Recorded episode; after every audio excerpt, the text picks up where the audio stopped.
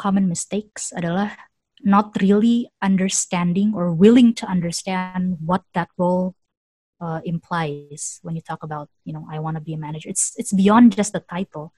It's mm. not just you know okay kamu jadi manager, tapi are you ready to understand or take full acknowledgement about that role in terms of that also in, includes developing the team gitu. Mm. Kadang tuh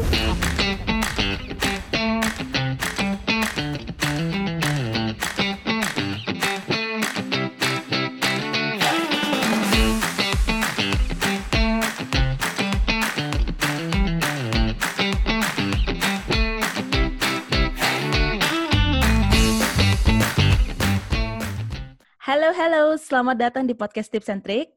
Aku Titi dan aku bakal jadi host kalian di sini.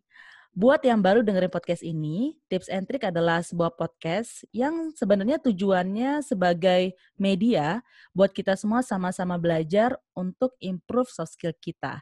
Karena soft skill itu adalah skill utama yang bisa dikuasain siapa aja, terlepas dari jenis pekerjaannya dan juga industrinya.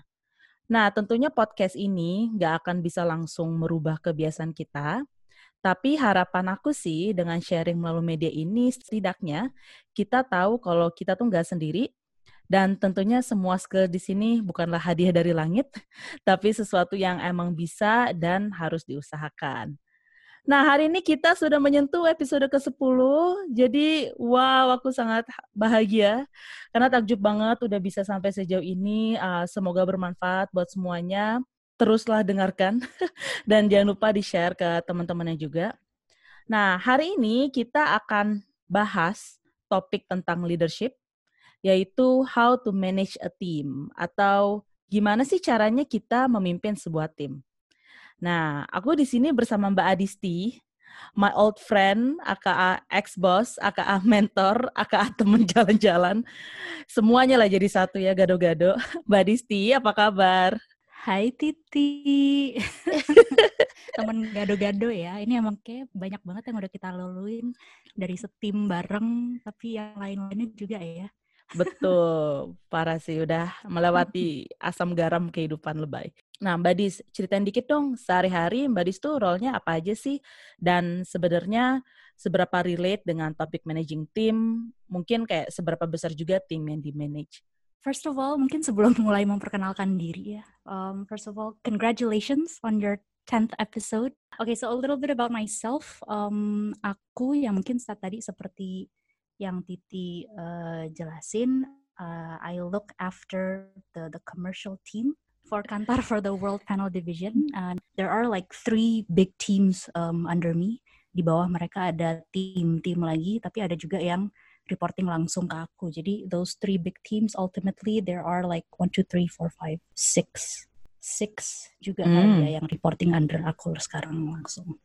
Gitu. Kecil mungkin kalau buat apa namanya dibandingkan sama I don't know other other other work in in in startup divisions or, or anything.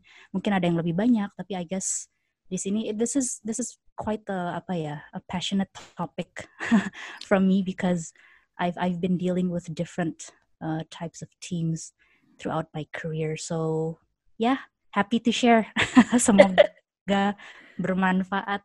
Semoga aku juga bisa belajar dari ini Yes, tentunya. Dan dari pengalaman aku bersama Mbak Dis dari tahun 2015, apa 2016 ya Mbak? Pokoknya udah lama. 2016 udah gitu. Pokoknya aku tahu Mbak Dis itu adalah salah satu orang yang emang passionate banget sama people development. So that's the reason why I invite her to this podcast. So, aku mau share dulu alur podcast ya seperti biasa. Hari ini kita akan bahas dulu tentang apa sih uh, tim itu, apa itu managing team, terus kenapa sih kita harus managing team atau at least belajar manage team dari sekarang, dan apa aja tentunya tips and trick buat kalian-kalian nih yang lagi leading team dan kita semua tentunya yang masih belajar untuk memimpin sebuah organisasi. Jadi kita langsung saja ke pertanyaan pertama. Nah, oke, okay. oke okay, kuis ya rasanya. Nah, Mbak Dis, menurut Mbak Dis nih, tim itu apa sih? Tim actually in, the word itself it's berarti kalau misalnya secara harafiah gitu ya berarti kan kumpulan dari beberapa orang gitu ya beberapa individu Mm. so I guess in terms of the word itself team is is more than one person but there has to be at least two people in it so you Mm. know it can be two or more people in in that group of people mungkin di sini statusnya tuh lebih ke the number of people within an organization gitu kali ya Mm. karena kita ngomongin tim tuh kayak bukan tim I mean it, it's it's it's a team in in the in the sense of uh, work gitu ya in in a work organization I see. Jadi yang namanya tim itu nggak harus selalu besar kayak ribuan orang gitu ya, Mbak? wah ribuan orang kayak konser tuh ini tapi ini, ini konser atau organisasi I guess jadi tim itu basically it's an organization of uh, several people. Bisa dua bisa lebih bisa ribuan yang tadi Titi bilang depending on you know the scope of that organization and depending on what role you have on you know what kind of team are you managing. Tapi ini bisa as little as you're managing one person versus as many as you're managing 1000 person uh, 1000 people tapi I guess in the sense kita nggak ngomongin yang 1000 kali ya. Mungkin itu orang lain yang lebih baik menjadi pembicara gitu ya bukan aku narasumbernya. Because I've never managed 1000 people. I don't know what that feels like. But here kita ngomongin yang skalanya mungkin kayak 1 sampai I don't know mungkin 10 20 30 Hmm. juga bisa. Nah, kan tadi kita udah bahas tentang tim dan sebenarnya managing tim itu sendiri tuh apa sih, Mbak? Dan apa ya bedanya dengan managing workload of the team? Ah, okay. I, it's really interesting that you put the question into those two uh, different aspects. Satu adalah managing team, satu adalah managing workload. Because that's that's what I thought of at first saat uh, kamu apa namanya ngundang aku untuk Hmm. menjadi sumber di sini.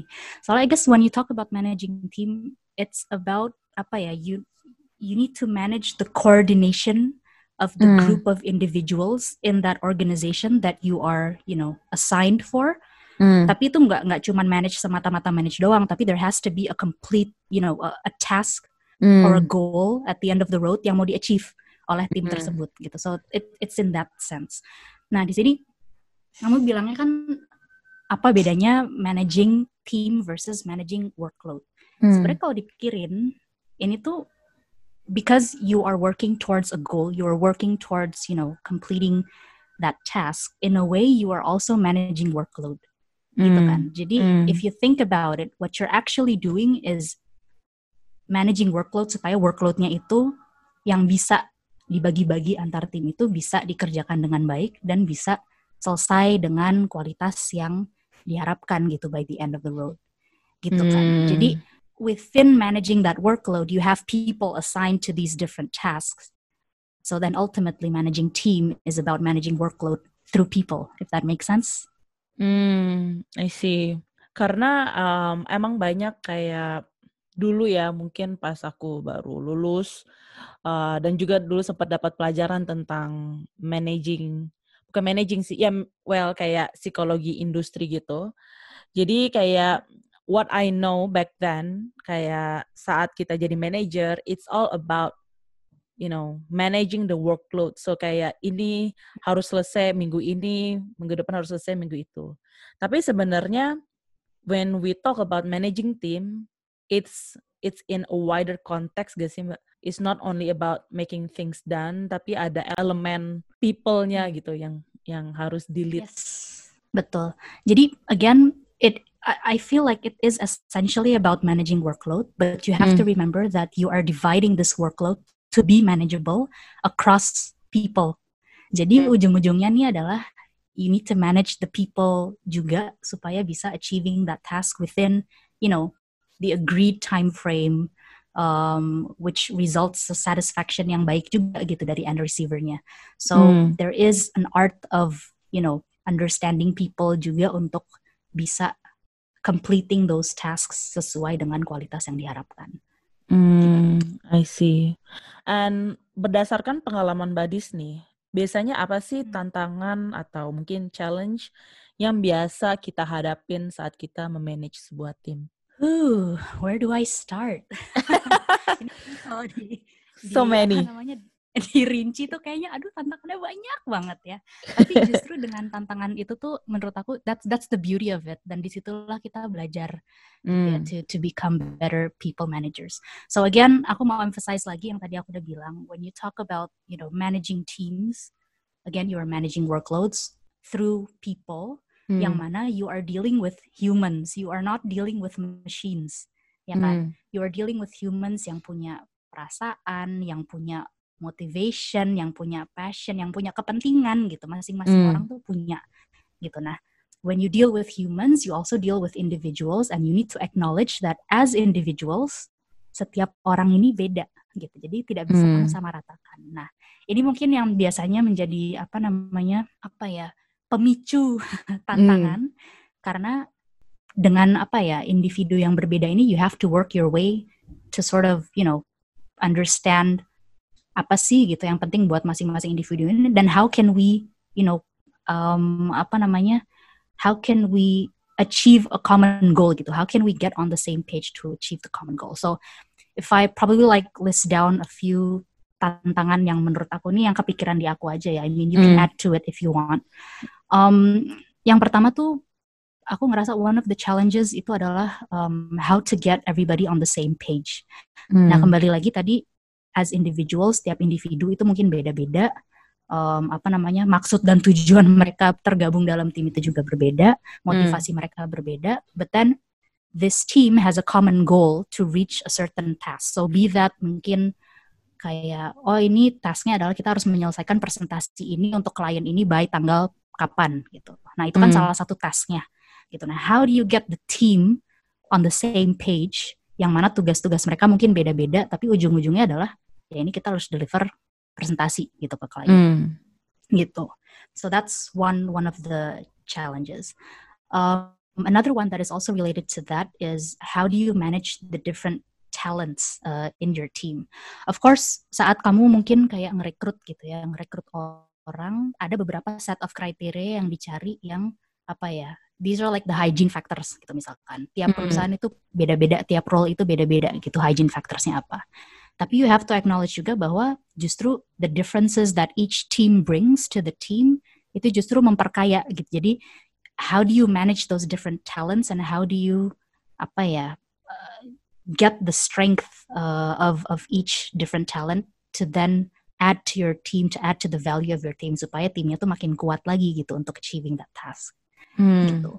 Another thing itu adalah yang ketiga ya ini kita udah sampai ketiga. Yang ketiga itu adalah um, with different individuals come different expectations. Hmm. Ya nggak sih setiap orang tuh punya ekspektasi yang berbeda-beda. Mungkin saat kita kick off gitu ya untuk satu project, pemahamanku nih untuk end goal-nya itu beda nih sama timku gitu. So it's very important untuk managing expectations. We're on the same page untuk oke okay, ini ekspektasinya begini ya. Ini termasuk juga kayak ways of working. Hmm. Gitu. Misalkan agreeing on this is the way that I work, what works for you gitu. Jadi how hmm. do we make the best out of these different situations supaya ekspektasi kita tuh sama nih satu apa satu sama lain. Jadi nggak hmm. ada skom di tengah-tengah. Yeah. Gitu. Um, another point is kayaknya ini yang kamu kayak pernah raise di salah satu podcast kamu deh. Aku lupa sama siapa tapi there's there's something about delegating tasks yeah um, versus working on things on your own versus uh, bener-bener apa ya giving away work yang benar-benar kayak dilepas gitu. Ya yeah, betul. Jadi tantangannya tuh mungkin kayak how do you balance it all off? Karena apa namanya if apa ya when you delegate task mungkin nggak segampang itu karena kamu merasa ini kayak cepetan gue deh yang bikin langsung udahlah nggak usah orang lain yang bikin lama udah gitu mesti gue review lagi. Betul. Gitu kan. Terus belum tentu apa yang dia kerjain itu benar. Mm, mm, mm. but then you need to remember that you know each person in the team itu kan punya tugasnya masing-masing ya. So you need to sort of give some trust to you know a level of trust to anybody who's working on that um, on that on that task mm. give them a direction give them uh, trust to complete it and kalau misalnya memang kualitasnya itu belum apa namanya belum belum oke okay, then break it down into smaller tasks to then review and give feedback along the way gitu. Mm. Nah terus ada juga apa namanya masih berhubungan sama ini kadang tuh salah paham delegating task adalah oh ya udah dia aja yang kerjain semuanya gitu tapi Iya jadinya betul. tim membernya kayak ngerasa hah ini kok gue dilempar kerjaan ya nah itu kan Betul. jadinya Biasanya suka orang bilang, aduh gue kena bola liar nih. Gitu. oh kena bola liar Iya. iya gitu jadi kayak nih gimana sih kok bos gue kok ngelempar kerjaan ke gue gitu kok ngerasain nah itu tuh apa ya that, itu menjadi tantangan juga karena kayaknya itu semacam miskomunikasi juga kali ya in a way on you know to what extent that task is being delegated versus being dilempar Iya versus betul. ini gue kerjain sendiri gitu. So there needs to be a balance on giving trust to your team, letting your team grow, but also making sure that the task itu di deliver uh, sesuai dengan ekspektasi. Hmm. So that's another big challenge. Um, kita udah sampai nomor berapa ya? Kayak tadi keempat deh. Nah terus yang kelima itu I also feel knowing when you should step in gitu ya. Hmm. Nah knowing when you should step in ini konteksnya banyak gitu. Um, it's not just dalam menyelesaikan. Misalkan tadi kita lagi, lagi ngomongin bikin presentasi.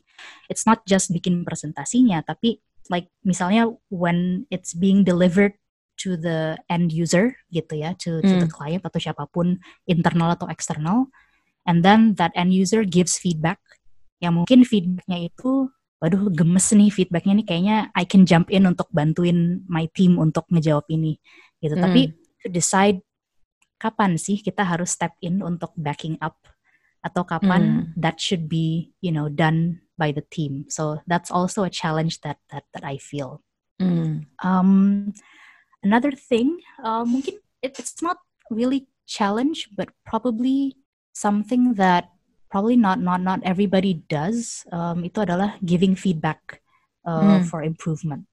So I mean, are you open to giving feedback, but also receiving feedback? Kadang nih kalau misalnya kita merasa as the leader of the team, ya yang paling bener itu gue gitu. Kayak ke kelas waktu ospek gitu kan. Nah, Iya. rule pertama adalah kakak kelas selalu benar. Kalau misalnya nomor dua, nomor duanya adalah kalau kakak kelas salah, ingat peraturan pertama, kakak kelas selalu benar. Tapi Jadi dia nggak pernah salah. case gitu. Iya, nggak pernah salah. Tapi di sini juga namanya juga manusia ya. Jadi we need to, you know, berlapang dada juga untuk, you know, receiving feedback uh, from Hmm. people for for us to improve. Nah, um, paling yang yang terakhir ini adalah yang paling menarik dan aku apa ya, I've I've I've been through these uh, situations before. Situasi ini adalah di mana your position as a leader gitu ya, it it will be tested. How? Misalkan, bayangin you have a team member who's smarter than you gitu, atau this team member has been in the company longer than you, or in the organization or that team. This person has Mhm. been there longer than you, so this person knows what works and what doesn't work Hmm. gitu. This I think is is one of the the, the toughest um, challenges gitu ya yang mungkin bukan hanya aku saja yang mengalami tapi I've had like middle managers um, who report to me who have you know come to me with this uh, situation and asking um, apa namanya Mbak tapi kan dia umurnya lebih tua gitu daripada aku gitu. Atau dia dia Hmm. lulusnya lebih lama gitu daripada eh lulusnya lebih lama lulusnya lebih cepat daripada aku. Dia masuk kerja tuh lebih cepat gitu.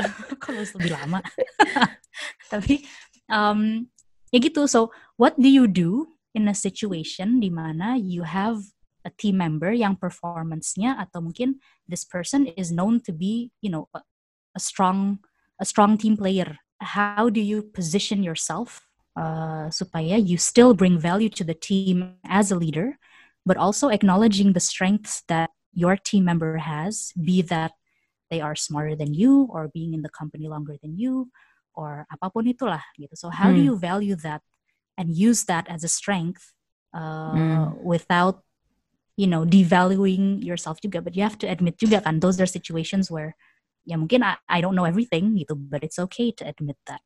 Dan menurut aku itu emang the top challenges sih uh, saat memanage sebuah tim.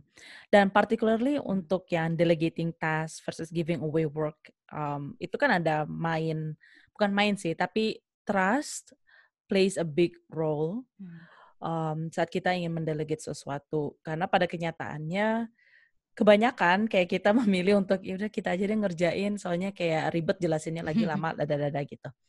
Nah, kalau ini menarik banget sih menurut aku tentang trust. Kalau menurut Mbak Rizky sendiri, how can you identify kapan lo harus percaya untuk mendelegasikan kerjaan ke seseorang? How do you give away your trust? I guess you'll need to understand dulu ya, apa namanya tasknya ini apa gitu. Hmm. Apakah orang yang diberikan task tersebut itu dari segi kemampuan itu bisa melakukan task tersebut mm. gitu. Um, so in a way you have to trust that person to be able to complete that task, but apa ya itu nggak dikasih begitu aja kan you have to give it but also give an explanation to that person yeah. dengan bilang bahwa oke okay, ini tuh tasknya begini begini begini begini deadline-nya adalah begini what do you think gitu the way that hmm. I like to do it adalah aku kembaliin lagi ke team membernya untuk ngecek what do you think Do you think you'll be able to do it? What support do you need from me? Nah, jadi dengan kita hmm. balikin ke orang tersebut, orang tersebut kan jadinya mikir kan, kayak, oke, okay, gue dikasih kepercayaan untuk ngerjain ini, but apa ya, dikasih dikasih pertanyaan juga yang, oke, okay, what support do you need from me? Jadi, this person can think about, okay, what are the things that I can do to complete this task? What are yeah. the areas of help that I need? Gitu. Jadi, kalau misalnya kalian sebagai team member menerima situasi seperti itu dan menerima apa namanya pertanyaan seperti itu dari bos kalian, ya yeah, that's a genuine uh, genuine situation, genuine question gitu. What help do you hmm. need from me? Raise gitu. What help do you need from that person?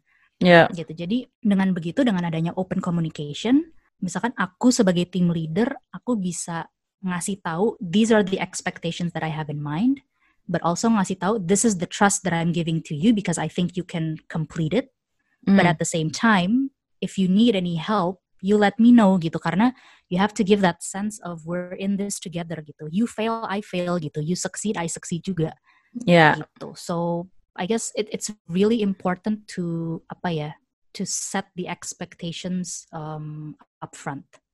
Gitu. Mm, I see. I I guess another point uh, itu ya when when we talk about aduh delegating versus gue kerjain sendiri kayak cepetan gue sendiri deh yang ngerjain gitu ya yeah, yeah. of course gitu kan karena you have apa ya you, you probably have the experience betul uh, so you know what you need to do already but you have to think juga how do you develop your team gitu kan? Karena if you mm. do the task over and over again ya yeah, that will be the only thing that you are doing gitu. Kamu juga nggak akan berkembang untuk doing you know a bigger role which is overseeing the total project gitu misalkan or overseeing the the total team.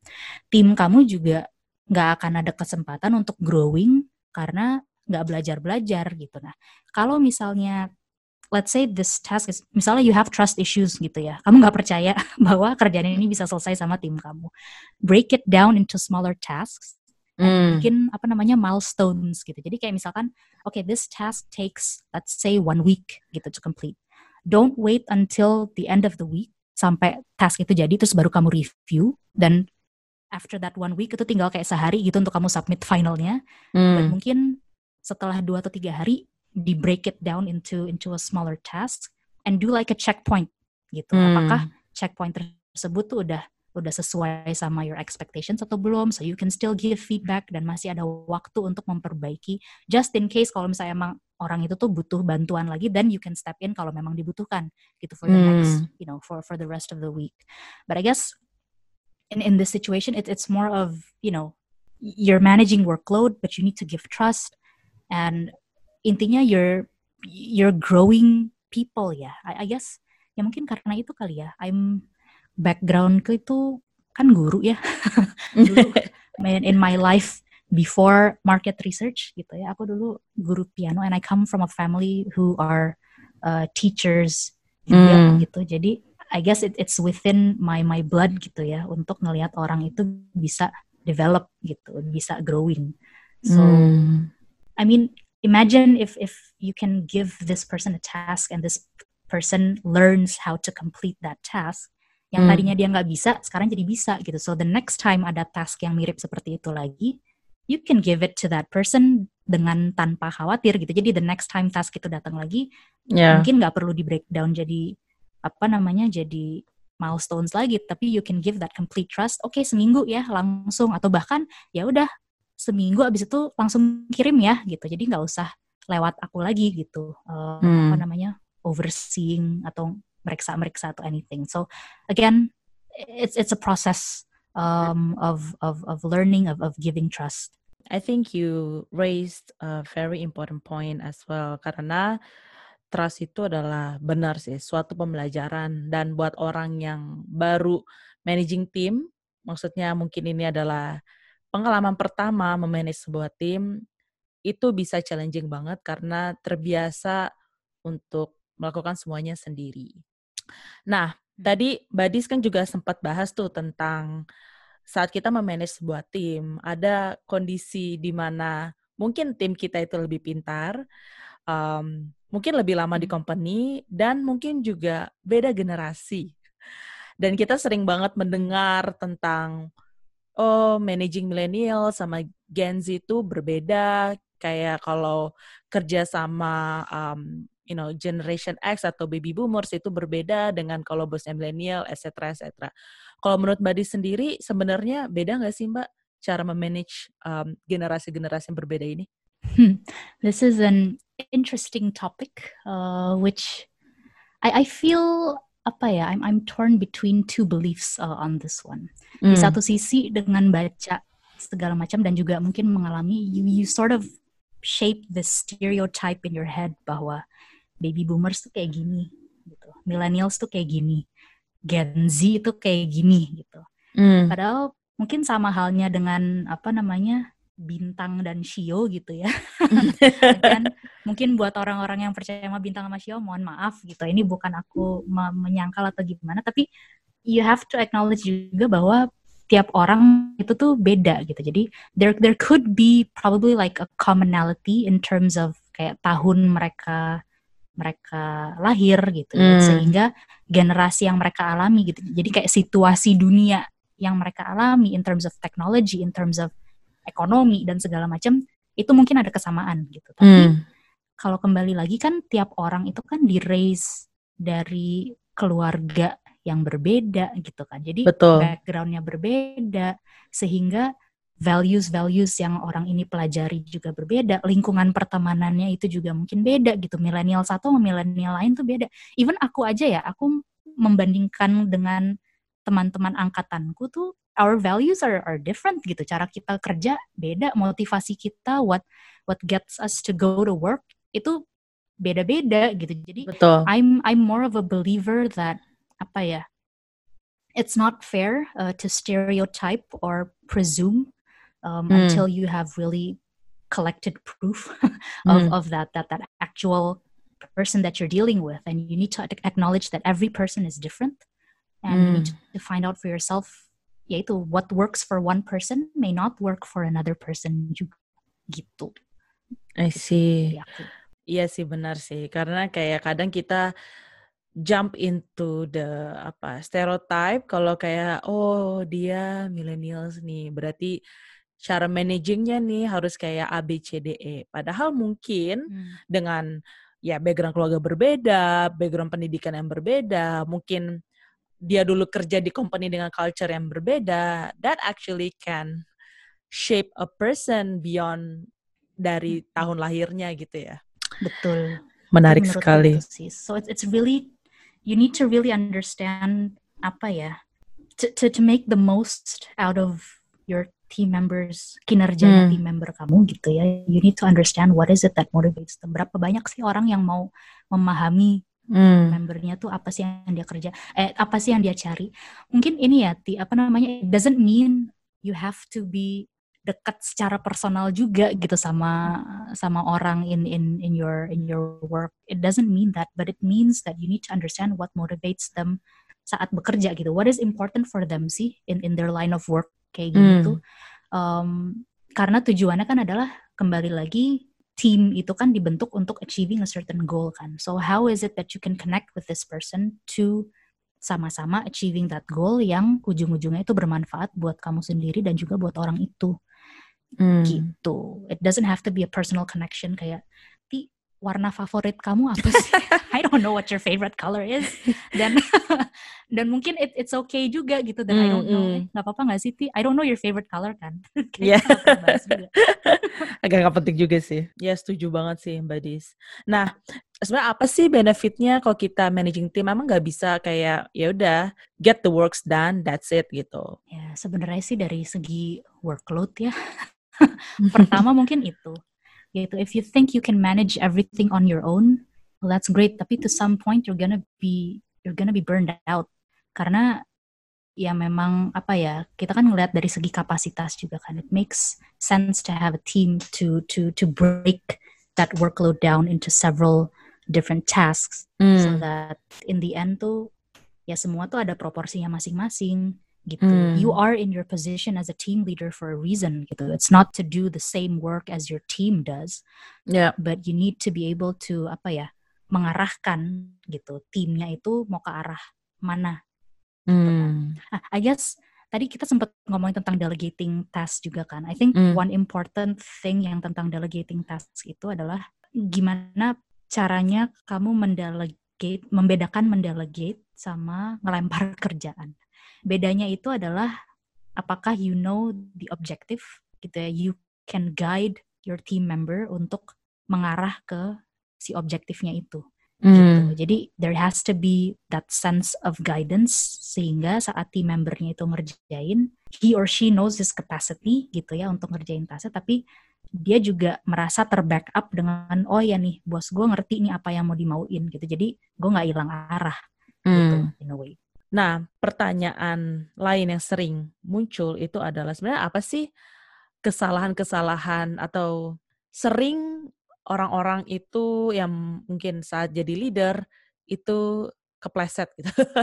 Kayak kesalahan yang hmm. mungkin sering dilakukan baik sadar maupun tanpa sadar uh, saat kita memanage sebuah tim.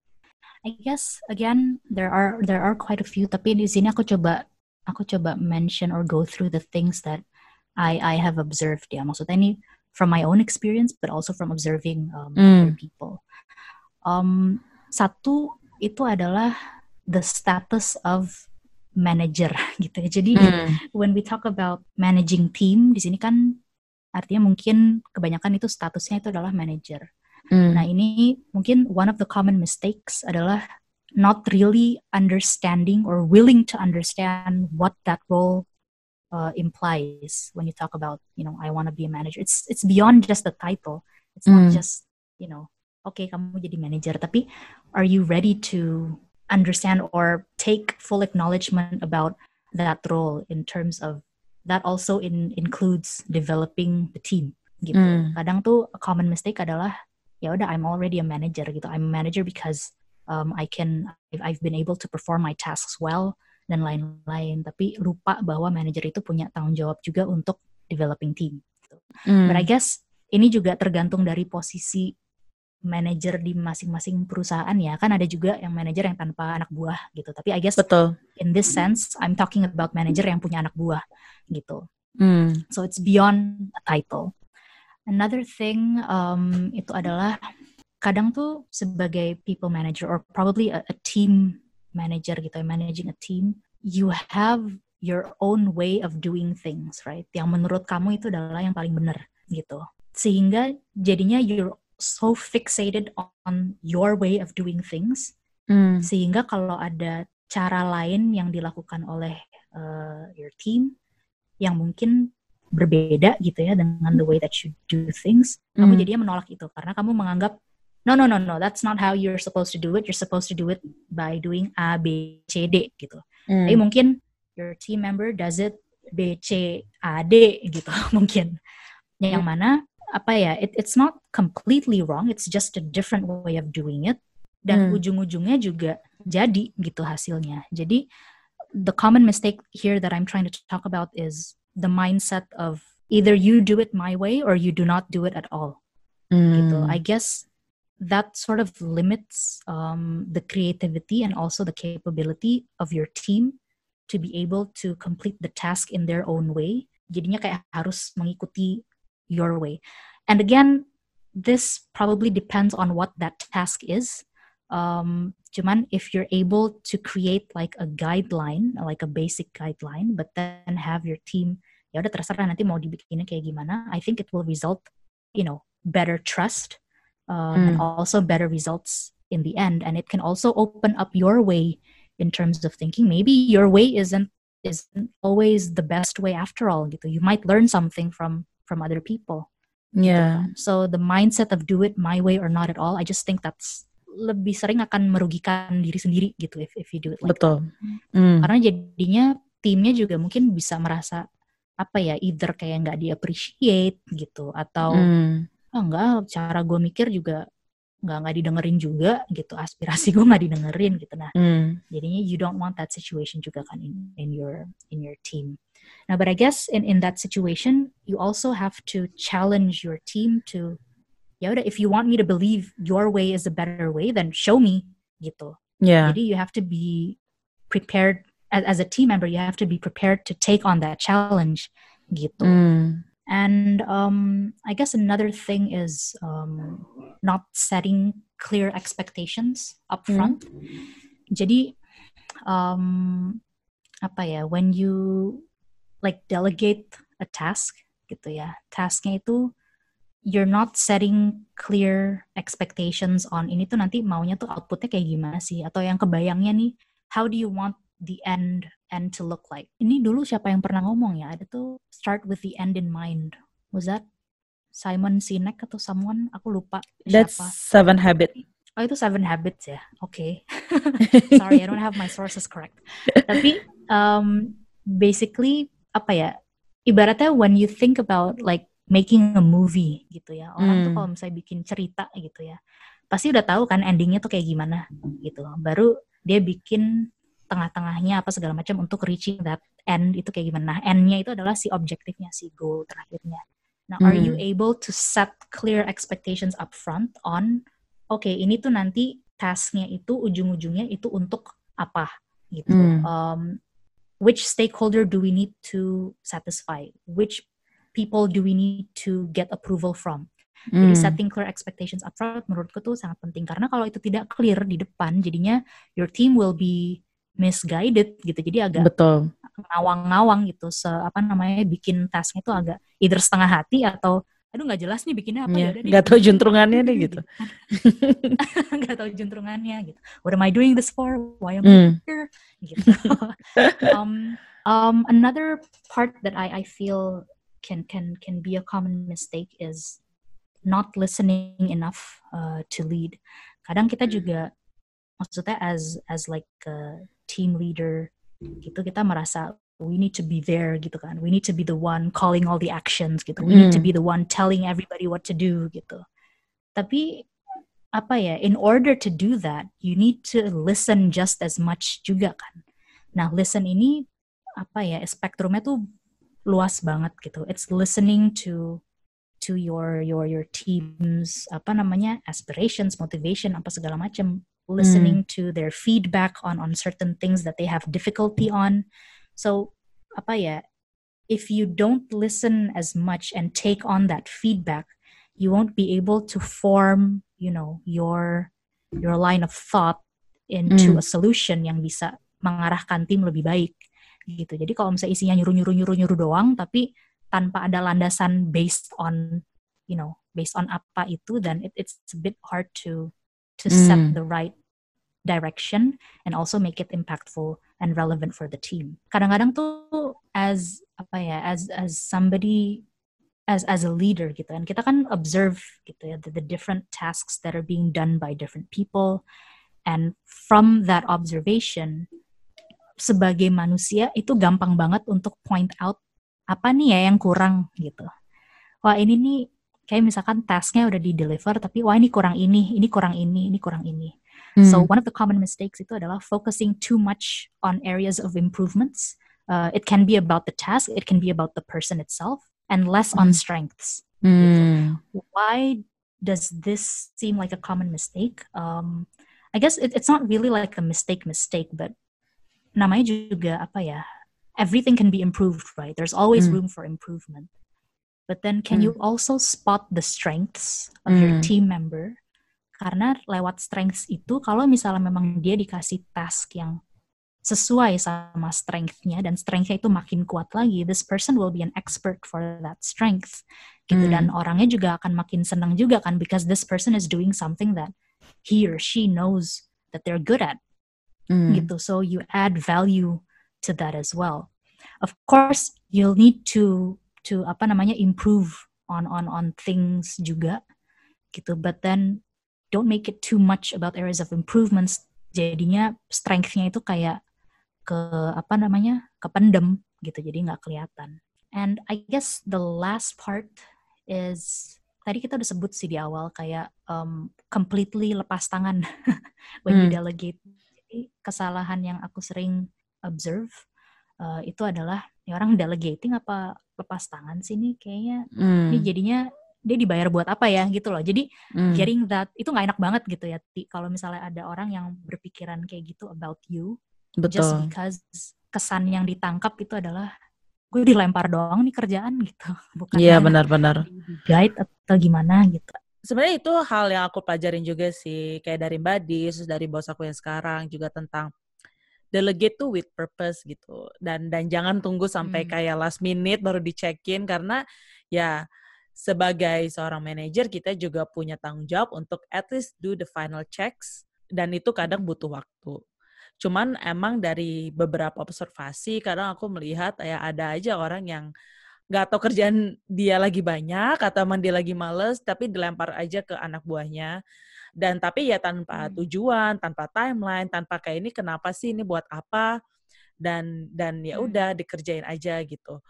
Dan kadang tuh bahkan kerjaannya yang mungkin gak make sense kayak misalkan cuman tolong ya charting uh, eh, 100 chart gitu kayak buat apa ya gitu tapi kayak pas ditanya juga nggak nggak clear jawabannya dan menurut aku itu hmm. sesuatu hal yang mungkin nggak semua orang sadar kalau dia mungkin melakukan itu um, tapi itu sebenarnya ngefek banget sih ke motivasi si timnya dan juga ke um, as simple as kayak kenapa sih gue harus mengerjakan ini kayak purpose-nya apa seberapa besar sih kontribusi gue sebenarnya ke overall the big picture that you are trying to do gitu Nah, Mbak Dis, tadi kan kita udah ngebahas nih tentang apa itu managing team dan what makes a good leader hmm. dan kenapa itu penting. Dan kalau Mbak Dis bisa share nih tips and trick apa aja sih yang handy banget yang buat teman-teman yang dengerin di sini bisa langsung at least praktekin uh, supaya kita semua bisa memanage tim dengan lebih baik lagi. Oke, okay, tips and trick ya, sesuai dengan judul dari podcast ini tips and trick.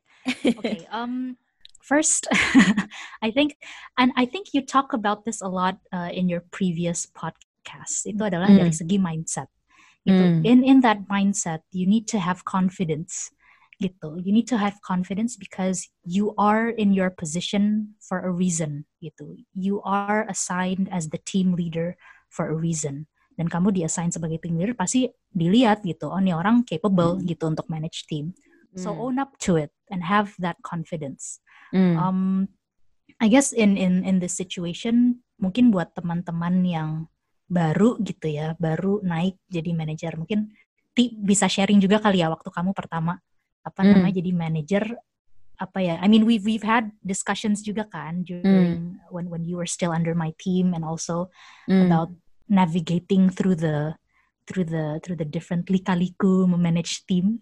Betul. Gitu. What what were the things that you felt um, that that had a relation to to your confidence menurut kamu saat itu dulu? Sebenarnya sih dengan ditunjuk sebagai manajer itu juga hmm. pasti kan bukan keputusan satu orang, tapi juga keputusan hmm. dari keputusan bersama lah kolektif mungkin dari um, you know stakeholder stakeholder lain bisa include HR juga mungkin buat teman-teman yang lain um, in some extent mungkin dari tim dari departemen yang berbeda juga. Jadi again yang kayak Mbak Disti bilang sih, there's a reason, ada ada alasan kuat kenapa kamu jadi manajer. Be confident, ya pede gitu kayak, oke okay, ini gue dikasih job ini, gue dikasih tanggung jawab seperti ini, I have to do it gitu. Be be confident tapi jangan congkak gitu ya, jangan Betul. sombong. Jadi you need to be apa ya confident but also willing to to learn and also grow yourself juga as a leader. Betul. Karena apa ya when you step up to be a manager it's not the end gitu kan there's always something else uh, that that you need to achieve that you can grow and so don't look at that as like your end goal but look at that as a stepping stone for you to to grow Betul. gitu. Jadi um, ini yang tentang confidence ini yang tadi aku bilang jangan congkak itu adalah Hmm. uh, hubungannya ke tips yang kedua yaitu listen. Listen, listen and listen gitu. Observe. Kamu harus belajar yang banyak untuk ngelihat gitu ya. How does your team operate gitu? What works with your Hmm. team? What doesn't work with your team? Hmm. improvementnya itu apa aja, uh, strength-nya itu apa aja. Jadi look at look at the the line of work. Mungkin aku kasih contoh ya. Waktu dulu aku baru masuk uh, kantor, if you remember, um, tahun 2016 itu pas aku baru masuk kan, I was assigned uh, to lead the team that you were in, ya kan, Hmm. Titi. Um, dan situasinya saat itu adalah ini ada klien baru gitu ya, Hmm. dan ini udah di set up timnya seperti ini and they were already working on like a big presentation Hmm. for that client. Aku sebagai pendatang baru, I I sort of knew a little bit about the business. I knew about you know the way you analyze apa segala macam. I sort of knew about the client from my past work karena aku Hmm. pernah handle klien tersebut dulu. Hmm. But then apa ya? I took the time to observe on ini klien yang sekarang ini maunya kayak gimana ya? Gitu. Hmm. and how is the team interacting with the client how apa ya is is it up to the is it up to the standard already is there anything that i can do to help improve the team's capability nah Hmm. i wouldn't be able to do that tanpa aku observe gitu bayangin kalau misalnya aku pas dulu baru masuk terus langsung Titi kamu ngerjain ini ini ini ini itu kan orang Kayak, kayak Siapa, siapa ya?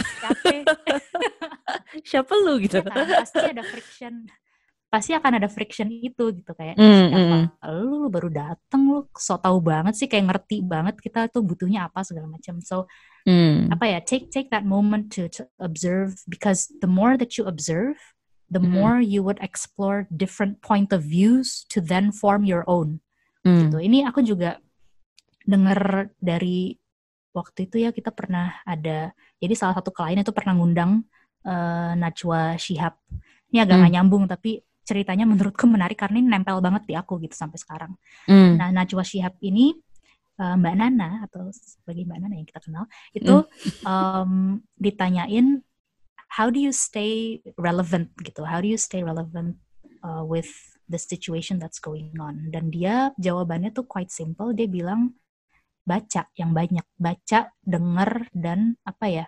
Read or absorb as much information as you can because that Hmm. helps you to form your own point of view Hmm. gitu. Jadi I I guess that itu something yang stuck banget ke aku karena aku merasa itu ada benarnya juga gitu. The more you listen, the more you observe, the more you're able to pick and choose what are apa ya, what are the important things and what are the Hmm. things that are adding on to those important things. Okay, so that's number two. Number three itu adalah acknowledge strengths. Um, again di sini ini ada hubungannya sama yang tadi kita sempat sempat bahas di awal itu adalah what happens or what you need to do if you are positioned in a team di mana your team member itu they're smarter than you gitu. Hmm. untuk misalkan nih um, tasknya adalah you need to make a report di Excel yang Excelnya tuh pokoknya ribet banget deh gitu. Ribetnya tuh in a way that banyak it's it's not just pivot tapi it's apalah segala macam ada makro apa dan lain-lain Hmm. lalalalala gitu.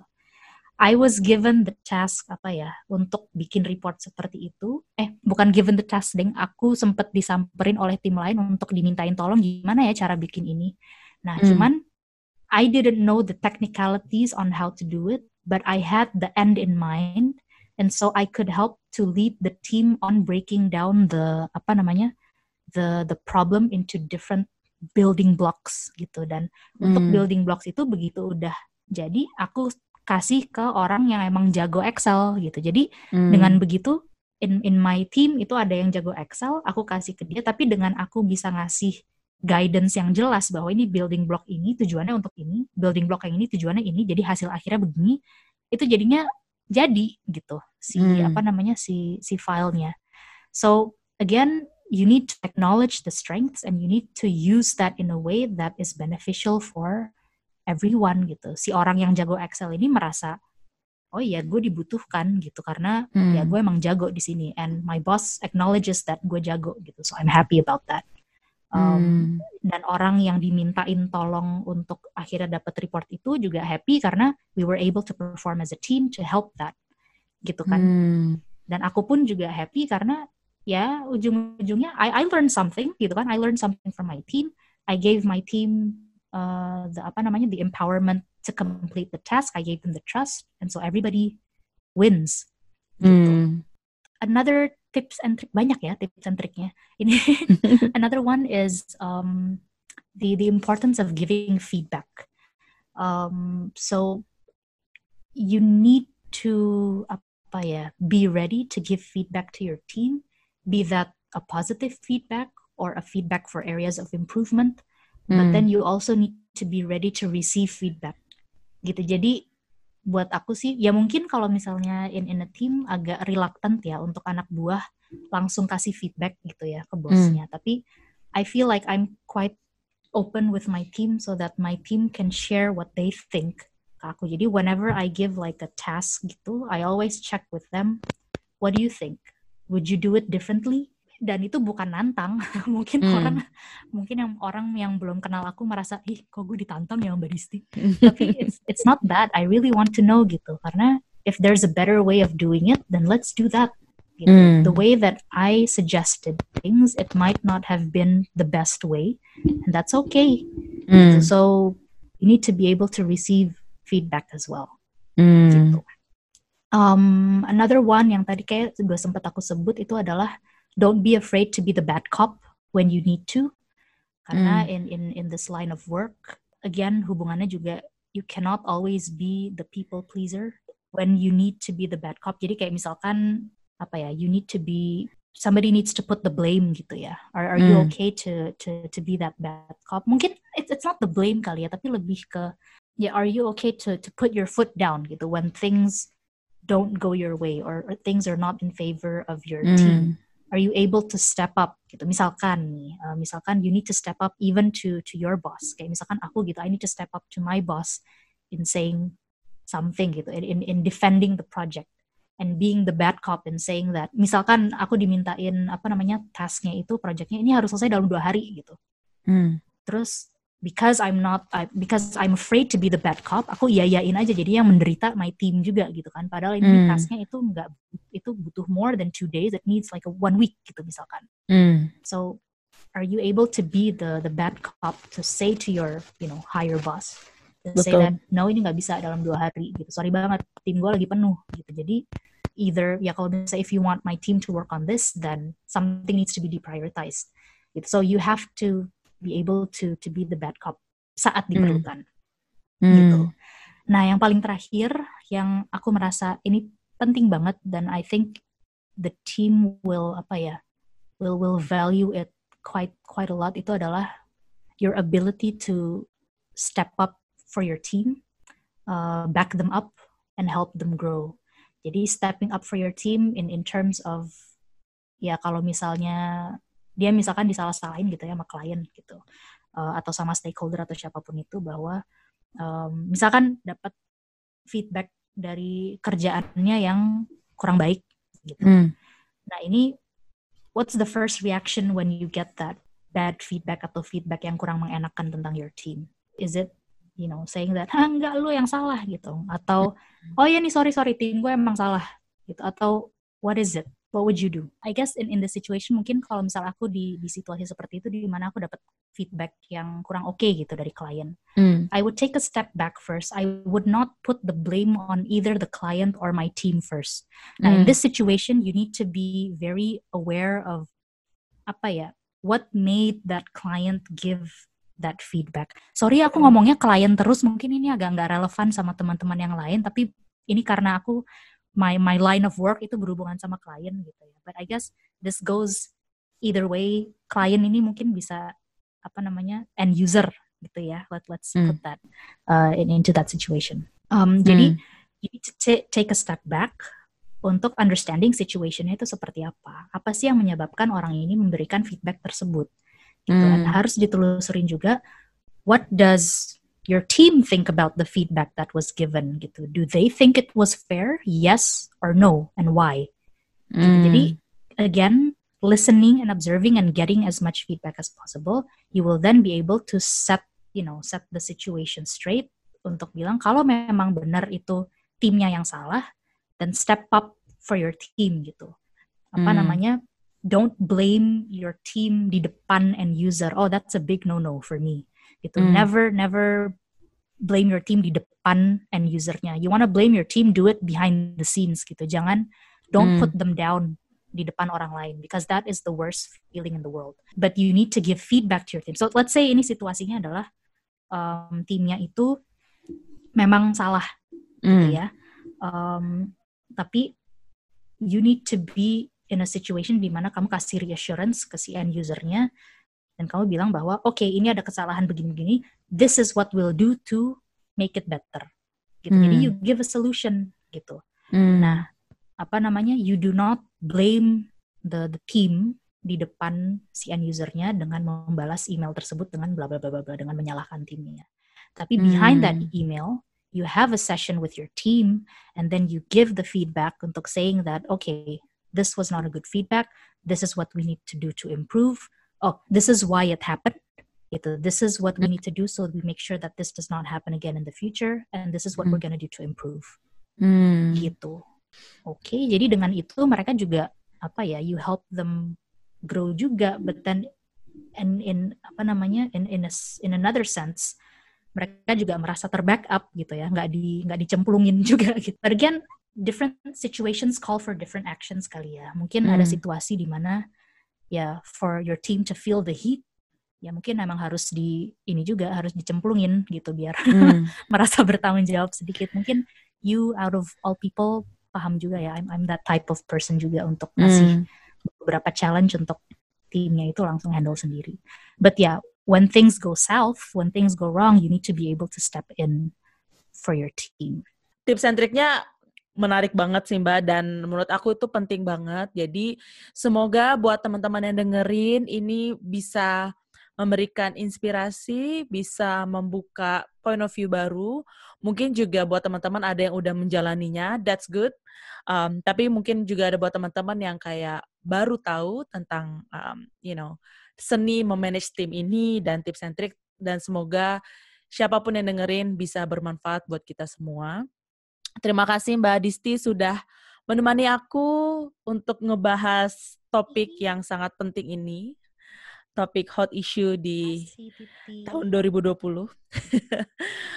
Buat yang dengerin nih, kamu udah siap belum memanage tim?